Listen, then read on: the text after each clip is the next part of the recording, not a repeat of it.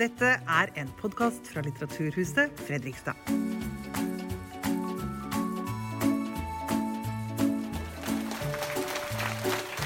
Ja, kjære publikum. eh, Hjertelig velkommen hit til Litteraturhuset Fredrikstad. Jeg heter Roy- Konradi Andersen og jeg er daglig leder her. Tusen takk for at dere ville komme hit til oss for å få innblikk i en ganske så kaotisk verden eh, som vi har nå om dagen. Før vi starter, så kan det kanskje være greit med litt praktisk informasjon. Husk på å slå av mobilen. Eh, og hvis dere trenger å gå eh, ut underveis, så bruk den bakre inngangen der. eh, og toalettene er en etasje ned eller en etasje opp. Og så har jeg lyst til å sende nå en spesiell takk til Sparebank1 Østfold i Akershus, som har gjort, vært med og gjort dette arrangementet mulig. Og en stor takk til også Litteraturhuset Fredrikstads øvrige sponsorer og viktige støttespillere gjennom mange år, nemlig Fredriksborg Eiendom, Verksted, Fredrikstad Energi og Handelsbanken. I 1966 så starter oljeselskapene letingen etter olje i Nordsjøen. Og tre år, etter, tre år senere så gjør vi det første funnet. 30 år senere så ser oljefondet dagens lys.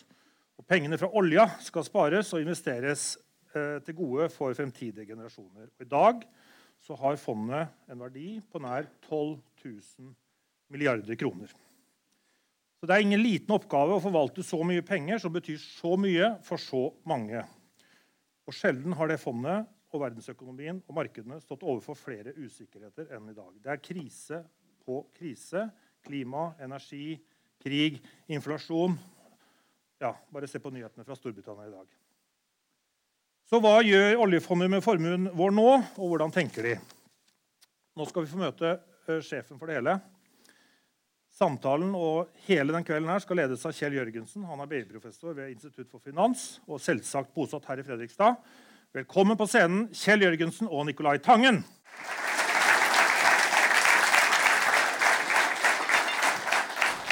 Ja, da er vi klar, er Nikolai? Ja. Velkommen til Fredrikstad. Tusen takk. En sørlending, en oljefondsjef og en fra oljehovedstaden Stavanger. Og begge to er født i 66. Ja. Som Roy nettopp sa, så var det da vi begynte å finne olje. Så sirkelen er på en måte slutta, da. Eh, når jeg fikk forespørselen fra Roy eh, rett før sommeren da, om å lede en samtale med Nicolai Tangen, så var det en sjanse jeg ikke kunne la gå fra meg. Den grepte jeg med begge hendene. Fordi at eh, Jeg har jobba med finans i 25 år eh, fra et akademisk ståsted. Og Det å få muligheten på en måte å få eh, snakke med en som har like lang fartstid, men fra den andre siden, den praktiske siden, den operasjonelle siden. I akademia så sier vi jo de som, de som går fra akademia i finans da, inn i finansindustrien, det kaller vi ofte de går til the dark side. Eh, og det er jo fordi at eh, vi syns det vi, er noblere, for vi tjener ikke penger på kunnskapen vår, mens eh, de som går ut og jobber i finansindustrien, de jobber Men vi er nok mest misunnelige. Og så er vi litt irritert av og til på at dere ikke gjør sånn som modellene sier dere skal gjøre, og empirien sier vi skal gjøre. Dere, dere tjener penger på deres egen måte, og det forvirrer oss litt av og til. Men vi er nok mest, vi er nok mest misunnelige på pengene dere tjener, for å si det sånn. da. Så jeg har bare lyst til å si litt om samtalen. Jeg kommer til å ha tredelt. Eh, litt om Nicolai Tange, som vi blir litt mer kjent med personen og hans bakgrunn, som er ganske mangfoldig. Eh, og så kommer jeg til å snakke litt om jobben i oljefondet og oljefondet, og hvordan oljefondet styrer disse eh, turbulente tidene. Og hvor det er mulig å tjene penger i et sånt marked som dette. Og så kommer jeg til å løfte blikket litt og se litt utover mot den krisen på en måte som er på vei, da, klimakrisen osv., hvordan på en måte oljefondet posisjonerer seg til det. da. Men først litt om deg, da. Og så har vi tenkt å sette av da, kvarter til slutt. Vi snakker ca. en time, og så eh, setter vi av et ca. kvarter ti minutter til spørsmål. Og da håper vi at eh, folk fra Fredrikstad bidrar. Eh, vi vet de er glad i å preke, så eh, det er bare til å ta ordet. Men Nicolai Tange, du er altså født i, i- oppvokst i, Fred, i Kristiansand, Ja. ikke Fredrikstad. Ehm, og førstegangstjenesten den avkjente avtjente du med å ta russiskkurs i Forsvaret. Og da lurer Jeg litt på, jeg har alltid lurt litt på hva, hva er greia der. liksom? For det, det er relativt mange samfunnstopper på en måte, som har gått det kurset. Ja, det er jo det. Og um, greia er vel at uh, når du skulle inn i førstegangstjenesten, så kunne du jo enten løpe rundt i skogen og, og skyte på hverandre, eller så kunne du studere russiske gloser. Og, eh, så det var det siste jeg gjorde, da. Sammen med min venn Ivar Søvold, som jo nå også bor her. Hvor er du, Ivar? Eh, Ja, Ja. Han sitter der.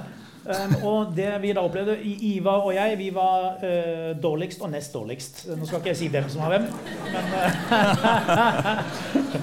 eh, Og det er egentlig det som er litt russiskkurset. At vi hadde vært gode på skolen, og så kom vi på russiskkurset, og så var vi dårligst. Og det er ganske merkelig opplevelse, Ja. og, men veldig sunn, tror jeg. Men i hvert fall, vi studerte russisk, og eh, fikk oss vel etter hvert et mellomfag i russisk. Så, Jøss. ja. Og det føler du har fått det, Jeg har fått inntrykk av at det er rimelig tøft. Veldig krevende. ja, det er jo helt grusomt, egentlig. Ja. Um, Det var kanskje Men, der du fikk men, eh, men etterpå det så jobbet jeg da i, eh, i Eksportrådet i Moskva. Og jeg så sjefen min fra Halden. Hvor er du, Nilsen? Hvor er du? Der er du. Han har ikke jeg sett siden 89. Han var da min sjef. Yes. Ja. Så jeg jobbet Ja. der etterpå. Og så um, begynte jeg å studere økonomi og den type ting. Ja, for du tok siviløkonomstudiet på en skole i Bergen som jeg ikke husker navnet på. Uh, og så um, Ja, altså det vil si uh, det, var ikke så, det var ikke så ille, for jeg gikk der bare i ett år, da. ja, ok, ja. ja, det, Så det, dro, så dro jeg til Amerika og tok resten der. Nettopp. Så du tok resten der, og så tok du en mastergrad på, på Wharton der, da. Ja.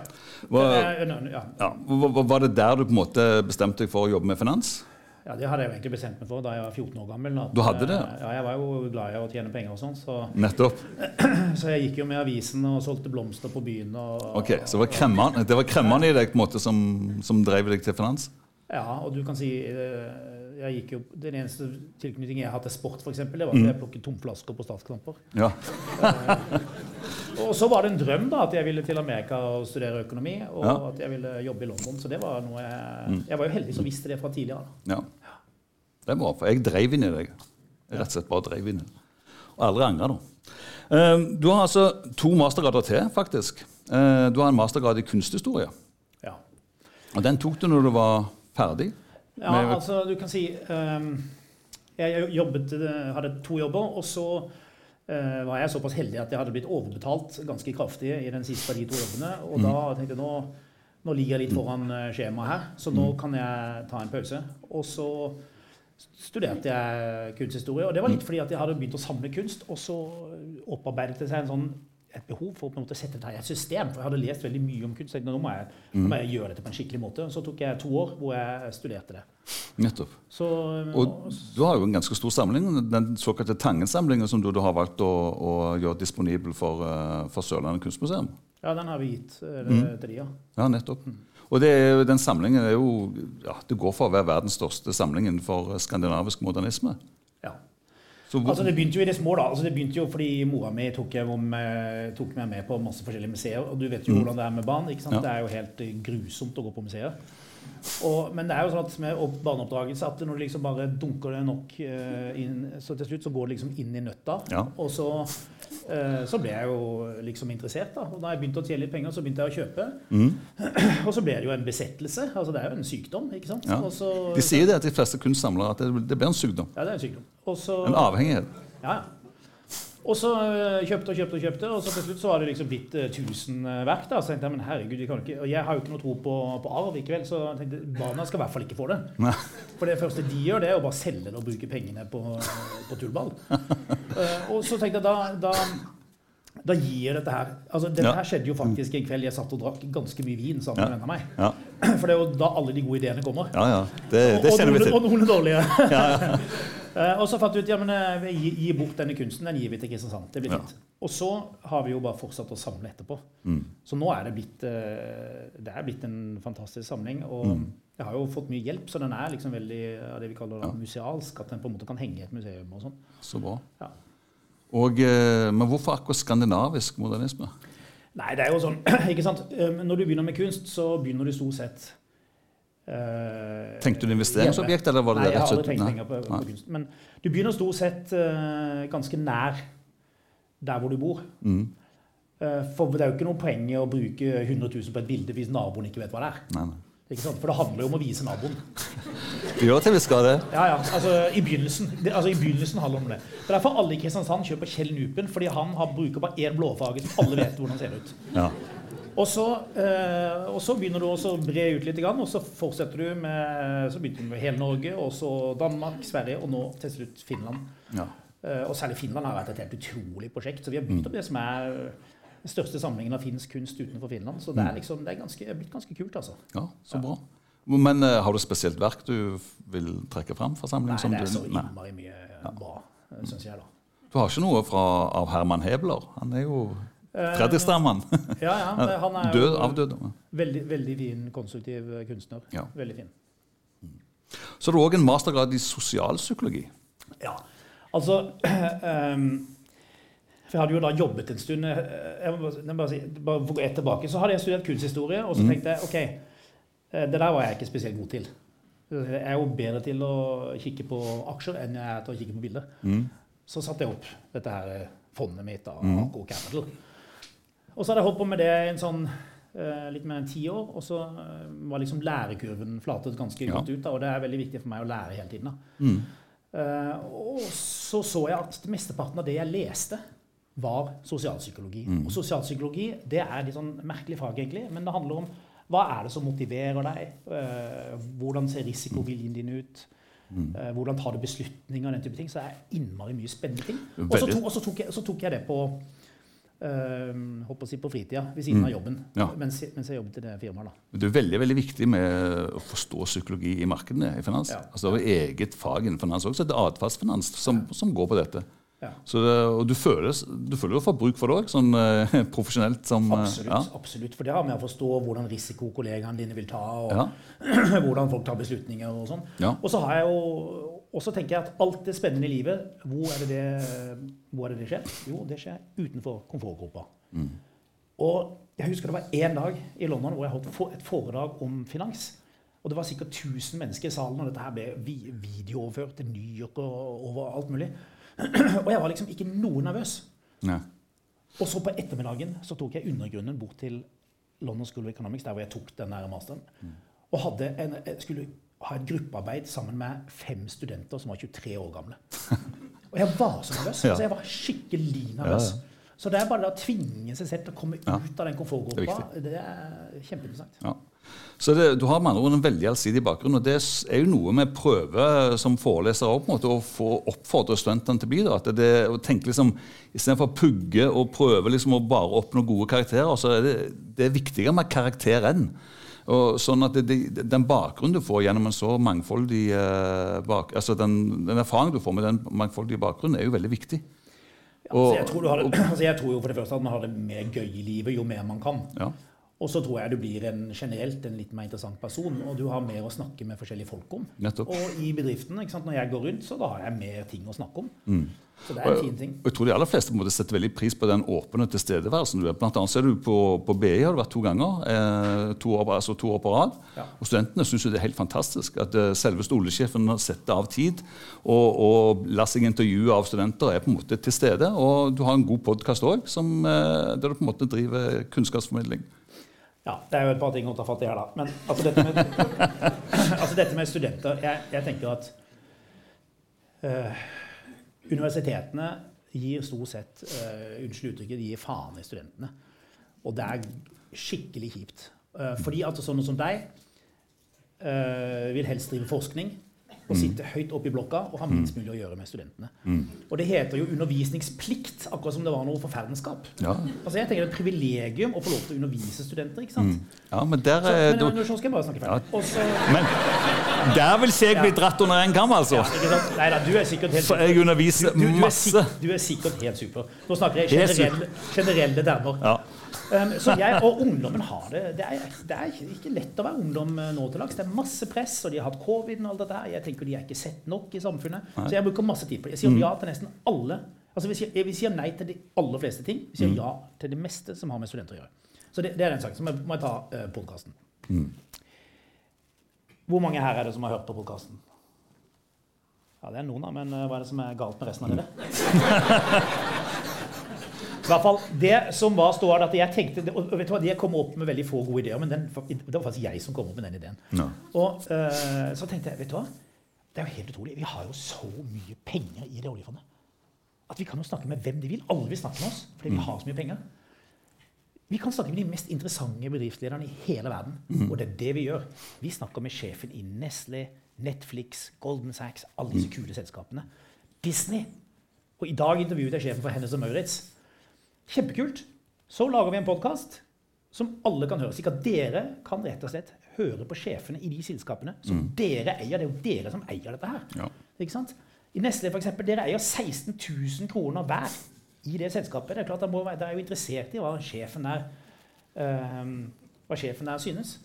Og det er virkelig kjempespennende. For eksempel, jeg spurte han Han som fant opp Nespresso-kaffemaskinen, fikk han lønnspålegg? Så det er noe som jeg er interessert i. Ja. Eller den uh, forrige episoden som sier jeg Mark Schneider, you are the CEO of the biggest food company in the world. You have 2,000 brads and you say sell 1 billion products every day. What do you actually eat? det, var ikke, det var ikke kanskje det spørsmålet han hadde forventet. da. Nei, nei, nettopp. Hva svarte han, da? Jeg holdt jo på med å presse sånne juicer til frokost og sånn. Nettopp. Ikke sant? Spiste, spiste 15 grønnsaker hver dag. Hallo.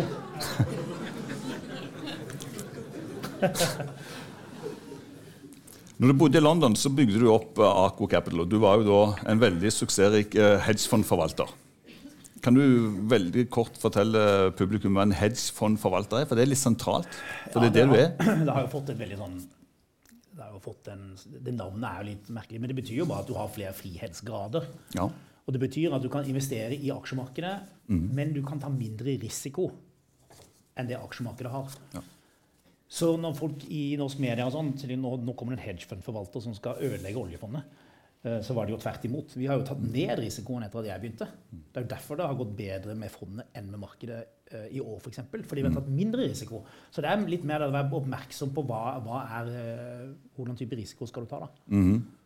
Ja, for En, en hedgefondforvalter er på en måte, altså Hedgefond kan egentlig bare kalle sikkerhetsfond. så det er på en måte Du, du har mer friskade for å sikre en avkastning. da. Ja. Ja. Du entra jo scenen i norske offentligheten for fullt da, i våren 2020. Når du ble ansatt uh, som sjef da, for vår felles pengebinge og forsikringsselskap, uh, Statens pensjonsfond utland, eller oljefondet. da. Hva var det egentlig som gjorde at du ville ha den jobben? Gitt den bakgrunnen som du nå beskrev som hedgefondforvalter. Ja. Jeg hadde uh, da vært i det firmaet i, i 15 år og tenkte at nå lærer jeg ikke så mye det. Nå er det på tide å, å overføre det selskapet til noen andre. Og jeg hadde egentlig tenkt å gå tilbake på universitetet og, og studere mer. Så jeg hadde sett for meg at nå skal jeg dra til Boston, og så skal jeg leie en leilighet, gå på Ikea, kjøpe noen billige møbler, og så skal, så skal jeg gå på jazzklubb hver kveld. Mm. Men så kom jo den jobben opp og ødela alt, egentlig. Men i hvert fall, så tenkte jeg at det, det jeg syns er gøyest i hele verden, det er kapitalforvaltning, og så er det organisasjonsutvikling. Og det kommer jo fra det, den sosialpsykologien. Og så hadde jeg jo så tenkte jeg, nå, nå skal jeg bruke resten av livet til å gjøre noe bra for samfunnet.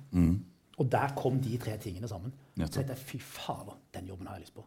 Og da jeg hørte om den jobben første gang, så bare jeg, fikk jeg en sånn stikk i magen. Så jeg bare, Det er herlighet. Det er helt ufattelig. Det der må jeg bare gjøre. Så du følte det var en jobb med en mission? altså? Ja, fullstendig. fullstendig. Det er jo helt, altså, oljefondet er jo helt ufattelig, egentlig. Vi er 600 mennesker. Vi ehm, forvalter alle de pengene. Står for 25 av statsbudsjettet. Mm. Og vi er, vi er bare 600 mennesker. Det er helt utrolig. Ja, Det er helt vilt.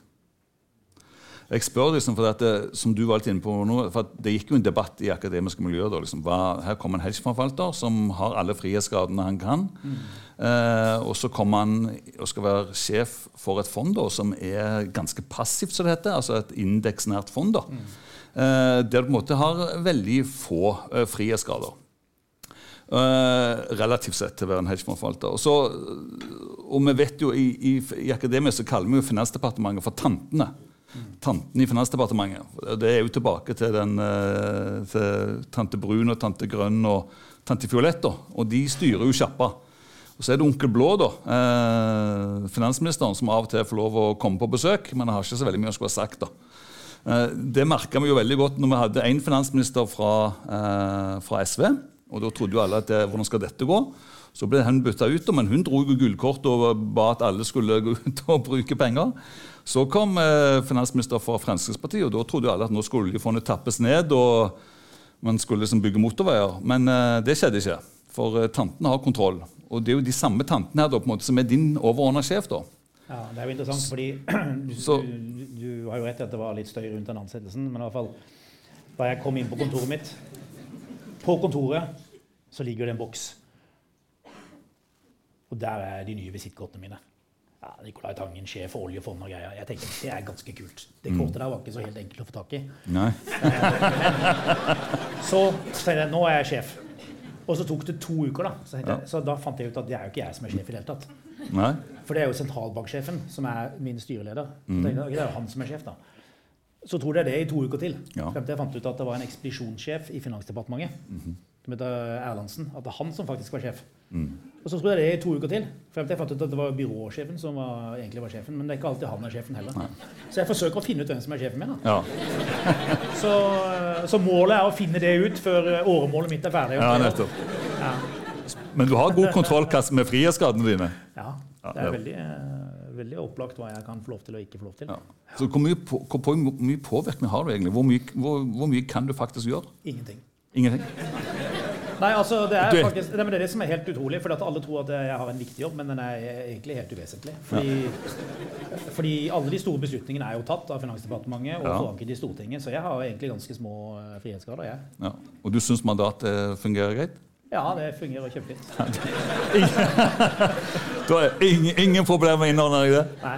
Så du er ikke sånn som ryktene noen kanskje at du er på tradingdesken, altså? Og, og Nei, nei, jeg er jo veldig involvert i en del disposisjoner og sånn, og vi skrur jo rundt på, på en del ting. Så vi har Ja. jo, målet vårt er jo eh, altså målet vårt er jo å gjøre det bedre enn den indeksen vi måles mot. Ja. Og så langt i år så er vi 150 milliarder bedre enn det, og det er jo penger, det òg. Det er litt. Ja. Få litt for det. Ja. Ja. Det er to forsvarsbudsjetter. Så du er inne liksom i, på å, å ta disposisjoner og Ja, rådgi ikke sånn- direkte? altså sånn... Nei, ikke sånn skal vi kjøpe litt der og litt der, altså, men de store allokerings... Eller de, de store avgjørelsene er jeg med på. Mm. Ja. Ja. Ingen eh, Så det er noe i det altså, med trade, altså Tangenbets er noe som eh, det fins det, det altså? At, uh... Nei, det gjør ikke det. eh, Fordi alle beslutningene tar vi jo som en gruppe. Ja. Men jeg kan jo ha et syn da, som jeg kan ja. fortelle om. nettopp. For eksempel har, har vi jo vært veldig bekymret for inflasjon ganske lenge. Og Mm. der har vi jo noen posisjoner på som har vært eh, fine å ha i år, da. Mm. Ja. Ja, så det, du, det er ikke i disse vanskelige tider da, Du skulle ikke ønske at det var, hadde litt videre mandat? da? Nei, du skjønner det at um, um, Det, det er jo du trøblete tider. Du har jo, ikke sant? Du har jo eksempel den rikeste personen i verden. Mm. Hvem er det? Elon Musk. Elon Musk. Ja. Så har du liksom førstemann på månen. Armstrong. Den personen i tennis med mest Grand Slam. Og så har du den som har tapt mest penger. Og det er meg. Mm. I første halvår tapte jeg 1680 milliarder. Og det fins ingen person siden Jesus Kristus som har tapt så mye. Og så er jeg liksom eh, den største taperen noensinne i verdenshistorien. Ja. Og så kan du si det, eh, det er jo eh, ganske kleint, egentlig. Mm. Men det- er liksom grenser for hvor mye jeg kan tape i forhold til indeks. Og jeg tror hvis du har for mange frihetsgrader, så kan du virkelig gå deg bort. Så det å være litt sånn limfast til masta, det har jeg litt tro på, altså. Ja, nettopp. Ja. Ja, for DN skrev jo nå for en to uker siden at ingenting biter på oljefondet. altså Størrelse omtrent det samme. Men har jo, har jo tapt på forvaltningen. Det som gjør at vi er, vi altså, vi er så heldige i Norge. Vi, det går vår vei uansett, liksom. sånn, Selv om vi taper kanskje på forvaltning på aksjemarkedet, så, så har jo krona svekket seg, som gjør at alle verdinivåer som vi holder i utenlandsk valuta, på en måte har økt i verdi. Og så får vi jo masse eh, innskudd da, gjennom de eh, veldig høye energiprisene våre. Ja, så du kan si Det som skjer nå, er jo egentlig helt ufattelig. Fordi, eh, altså, men, men vi må ikke glemme at det skjer av tragiske grunner. Det skjer pga. krigen. Men Ja. ol, eh, olje- og gassprisene er veldig høye. Og da får vi mer penger inn i fondet. Så nå, hver måned, får vi 150 milliarder kroner inn i fondet. Og hva er best? Er det å kjøpe ting når de er billige, eller når de er dyre? Du er professor, du må vite det. Personlig ville jeg sagt at uh, jeg har stort sett kjøpt når det var dyrt. jeg. Ja, men, uh, men ideelt sett så skal Ideelt kjøpe skal du kjøpe når det er billig. Det er Og nå er aksjemarkedet ned 20% så vi får altså rekordmye penger inn i fondet når Ja. aksjene er billige. Ja. Og det er ganske perfekt. Nettopp. Ja. Så vi er liksom veldig heldige en gang til i dette Ja. landet. Så det var det var med neste spørsmål. Der. Så dere hamstrer litt aksjer nå, da? Ja, vi er sannsynligvis verdens største kjøpere av aksjer i år. Og da håper jeg og tror at dere selvfølgelig eh, hamstrer de som dere har langsiktig tro på. da. Ja. Eh, så når det aksjemarkedet kommer tilbake en gang Nå tror ikke jeg det blir med det første. Nei. Så det har egentlig ikke noe hastverk med å kjøpe aksjer. Men, men eh, når det kommer tilbake, så eier vi jo mer av verden. Ja.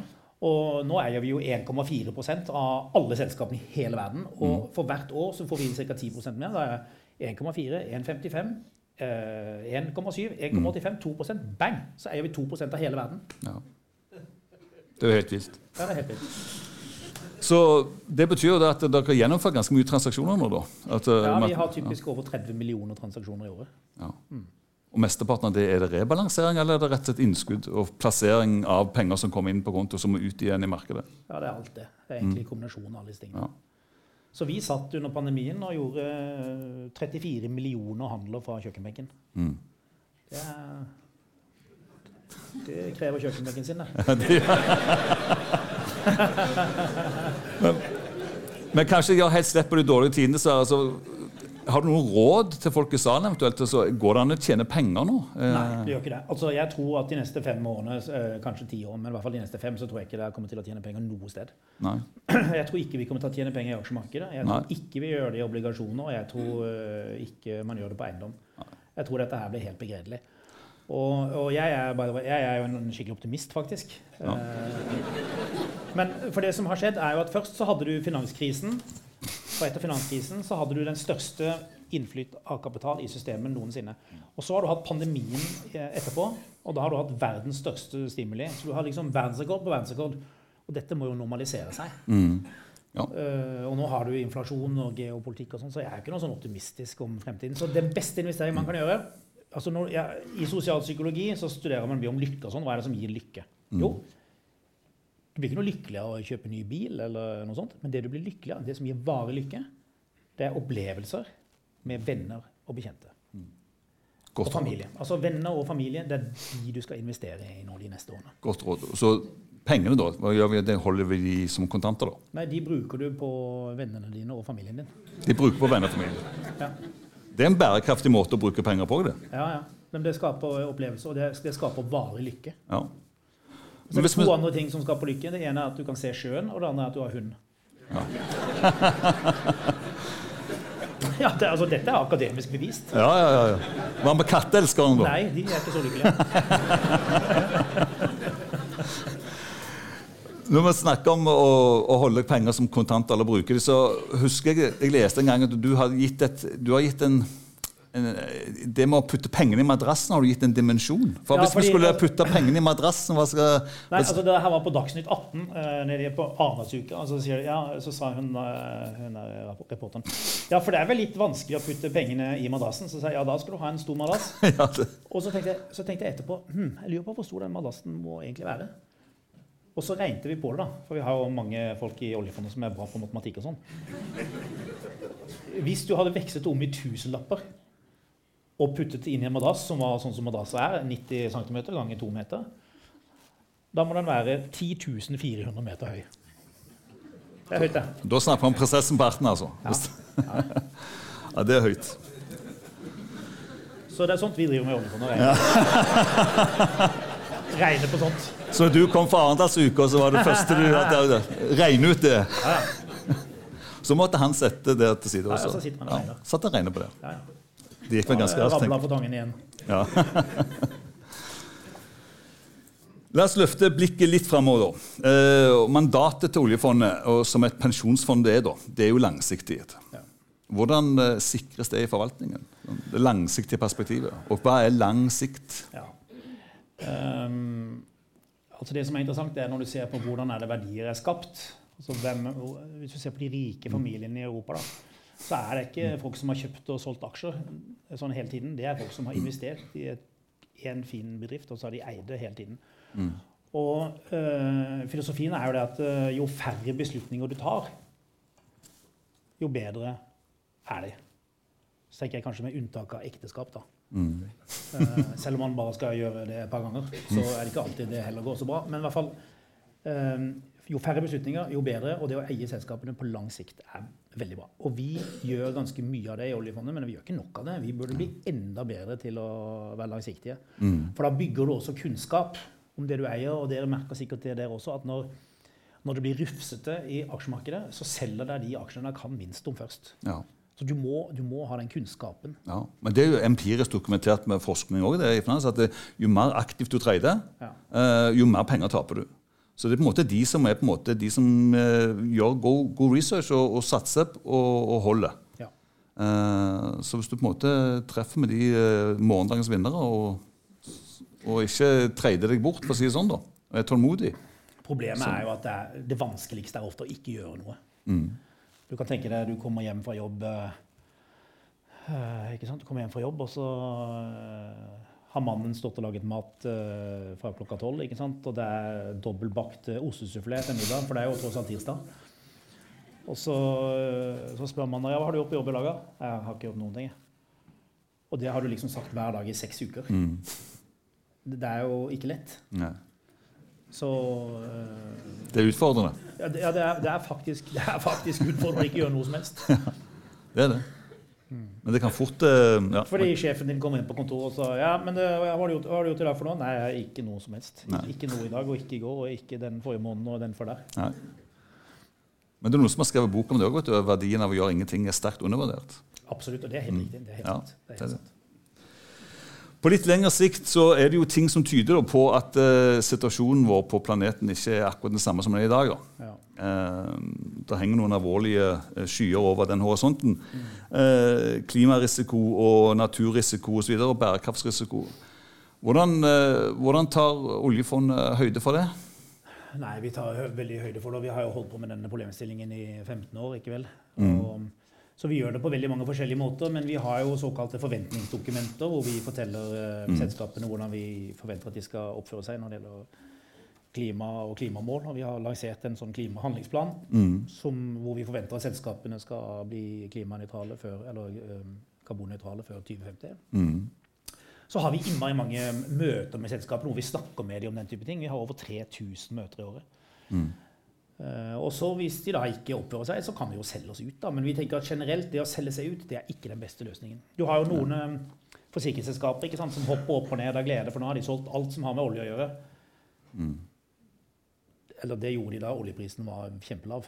Men det tenker vi, det er jo ikke noen god løsning. Du, vi skal, fordi at Det som skjer da, er jo til slutt at alle selskaper som har problemer eller som forurenser, de blir jo eid av folk som gir blaffen. Mm. Ikke sant? For alle som bryr seg, har solgt ut. Så det er jo ikke noe løsning. Da er det bedre å eie og jobbe med bedriftene og snakke med dem og få dem på, på rikt, i riktig retning. Ja. Dere har jo òg eh, si, empirisk forskning i ryggen der òg. For eh, jeg sitter tett på den forskningen der. Og det, og det å selge seg ut Det er mange som roper på det at nå må oljefondet selge seg ut og, og kvitte seg med de, de type aksjer og den, den sektoren.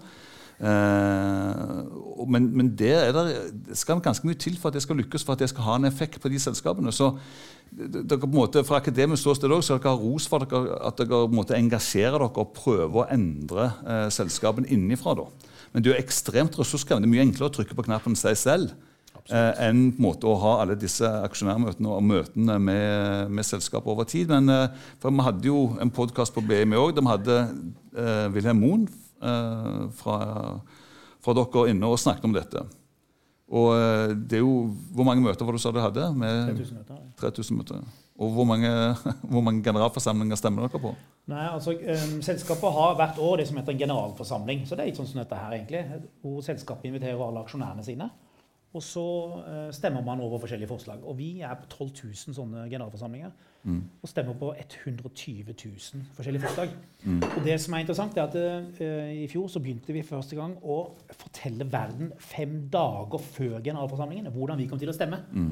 Sånn at alle andre investorer i verden de kan se hvordan kommer oljefondet til å stemme. Og jeg tenker Det er det som gir oss den store innflytelsen nå Ja. på selskapene rundt omkring i verden. Ja. Og dere føler dere blir lytta til? Hva sa du? Dere føler dere blir lytta til? Ja, ja absolutt. absolutt. Mm. Hvis ikke så selger dere ut i siste instans. Ja. Du uttalte at eh, oljefondet har mål på en måte å være verdensledende investor da, på håndtering av klima. Og det tenker jeg vi, vi er helt oppe i tetene. Mm. Tenker du da på det du snakket om nå med engasjement osv., eller tenker dere på å, å sikre porteføljen mot eh, Det ble jo det Skanke-utvalget som var i fjor, og de, de anbefalte både oljefondet å stressteste eh, oljefondets portefølje da, mot, eh, mot avvik fra 1,5-gradersmålet. Det er alle disse tingene til sammen som gjør at jeg tenker vi er eh, verdensledende snart på dette. Så dere bygger opp kompetanse her. Ja. det er bra. For dette, når man da ser på den, den rapporten, den klimarapporten som kom ganske nylig hos dere, så, så sier du selv at det, det er et veldig hårete mål da, at hele porteføljen Hvor mange selskaper har vi i porteføljen? 9000. 9000. Og, og den porteføljen skal være klimanøytral, eller netto null, da, i 2050. Ja. Altså, vi må jo også legge til at mål, hovedmålet vårt er jo å tjene penger. Så dette er et slags sidemål. Men, eh, men det, det er målet vårt, ja. Ja. Da blir det å tjene penger på en bærekraftig måte. da. Absolutt. Ja. Og, um, Og- for, du kan si For ti år siden så tenker jeg at da kunne man se på dette med å være bærekraftig som noe annet enn det å tjene penger. Men nå, hvis du har en bedrift, og dere skal jo høre på noen bedriftsledere etterpå Når du har, Hvis du har en bedrift nå, og du forurenser mye, f.eks., så er det jo ingen som vil jobbe for deg. Ingen vil kjøpe produktene dine. Du får ikke lån i banken, og du får ikke forsikring. Så du har ikke noe butikk. Ja, Vi får håpe det. For at det, det, Ja, men er det, så, sånn, det er sånn det utvikler seg nå, så du Ja. må være bærekraftig. Ja, det er bra. Uh, når man ser på de, eh, de selskapene Det er jo 174 selskaper kun da, i porteføljen deres uh, av de 9000. Da, og de står jo for 70% da. Og det er i underkant av 2 Så det burde jo være overkommelig. på oss, og, eh, Det er jo de selskapene dere må jobbe med da, for å få Det er der vi har veldig fokus på Ja. de som uh, forurenser mest, ja. ja, Og så var det ja, 713 selskaper står for 90 ja. Så det er jo liksom de selskapene Dere har en plan på, på engasjement og få, få det ned? Vi har en plan. Ja, det er bra. um, når det gjelder Det er noen som tar til orde for at, bæ- altså at bærekraft bør komme høyere på agendaen. selvfølgelig, i oljefondet også. Og det er noen som da tar til orde for at dere bør kanskje gå inn med mer direkte investeringer. da. I bærekraftinfrastruktur, f.eks. Eh, Altså, det er jo nå lagt til mandatet vårt, så vi forsøker jo å kjøpe vindmøller. Vi, har, eh, vi kjøpte jo den nest, verdens nest største eh, vind, vindmøllepark utenfor Holland. Eh, Men det er ikke lett å få tak i de, eh, de tingene, fordi alle vil jo gjøre det nå. ikke sant? Alle får beskjed fra styrene sine at nå må vi ha vindmøller, og nå må det være bærekraftig her. Så alle byr på de, eh, på de prosjektene. Og det er ikke så mange av de. Og det vil si at prisen er høy, og avkastningen er lav. Så vi er stadig i sånne prosesser, men vi, vi har liksom ikke fått kloa i noe mer. da. Hva, hva, vi vil jo ikke kaste pengene ut av vinduet heller, vi må ha en avkastning på det. ikke sant? ja. Utgangspunktet så har vi Hva er det mandatet sier? Er det 2 cirka? Ja, det er litt avhengig av hvordan du ser på det. Ja. Så det er en egen avdeling på en måte som jobber mot det. da. Ja. Ja. Så det er jo noen som alltid i den debatten om oljefond og bærekraft mener hvorfor har oljefondet i det hele tatt oljeselskaper i porteføljen? Så lenge vi på en måte, vi, Fra et risikoperspektiv òg, vi får jo inntektene våre fra oljesektoren. Er veldig eksponert mot oljesektoren. Absolutt. Hvorfor har vi da det på, på, på aksjesiden òg, liksom? Ja, altså De rene oljeselskapene de har vi ikke lenger. De har vi solgt ut. Fordi det er akkurat som du sier, vi får inntektene fra olje. Så det var, fant vi ut, det var ikke noe lurt. Men de store integrerte oljeselskapene, altså de utenlandske tingene som ligner f.eks. på Equinor, de kan vi eie, og de eier vi. Og det gjør vi fordi de er, jo en, de er en viktig del av det grønne skiftet. Vel, det er jo måten de skal finne nye måter å produsere energi på som skal hjelpe oss gjennom dette grønne skiftet. Men Bety- Betyr det at oljefondet på en måte har tro på at de såkalt integrerte energiselskaper skal klare dette? At Ja, de skal, ja, skal Equinor og Nå holder vi ikke Equinor, selvfølgelig, det er et norsk selskap, men de tilsvarende internasjonale Ja, vi ser at de gjør en stor innsats her, og at det er positivt. Ok. Eh, på, hva, hva, hva syns du, eller hva tror du er det største hinderet for at vi på en måte får større fart i omstillingen til mer bærekraftig næringsliv og, og business? For det liksom Det som trekkes fram ofte, er jo at det går for sakte. Ja. Nei, det går jo, det går jo sakte. Og det, Ja. er, det ser jo ikke greit ut. Det er vi vel enige om alle sammen, egentlig. F- Finansnæringen har jo en veldig eh, som vi skal diskutere i panelet senere også, det har jo en veldig sentral rolle i å få dette skiftet. på. Altså, det er jo Det finansielle systemet og finansindustrien er på en måte oljen i, eh, i økonomien. da. Altså, det, du får ikke et grønt skifte uten en aktiv finansnæring. Nei, det.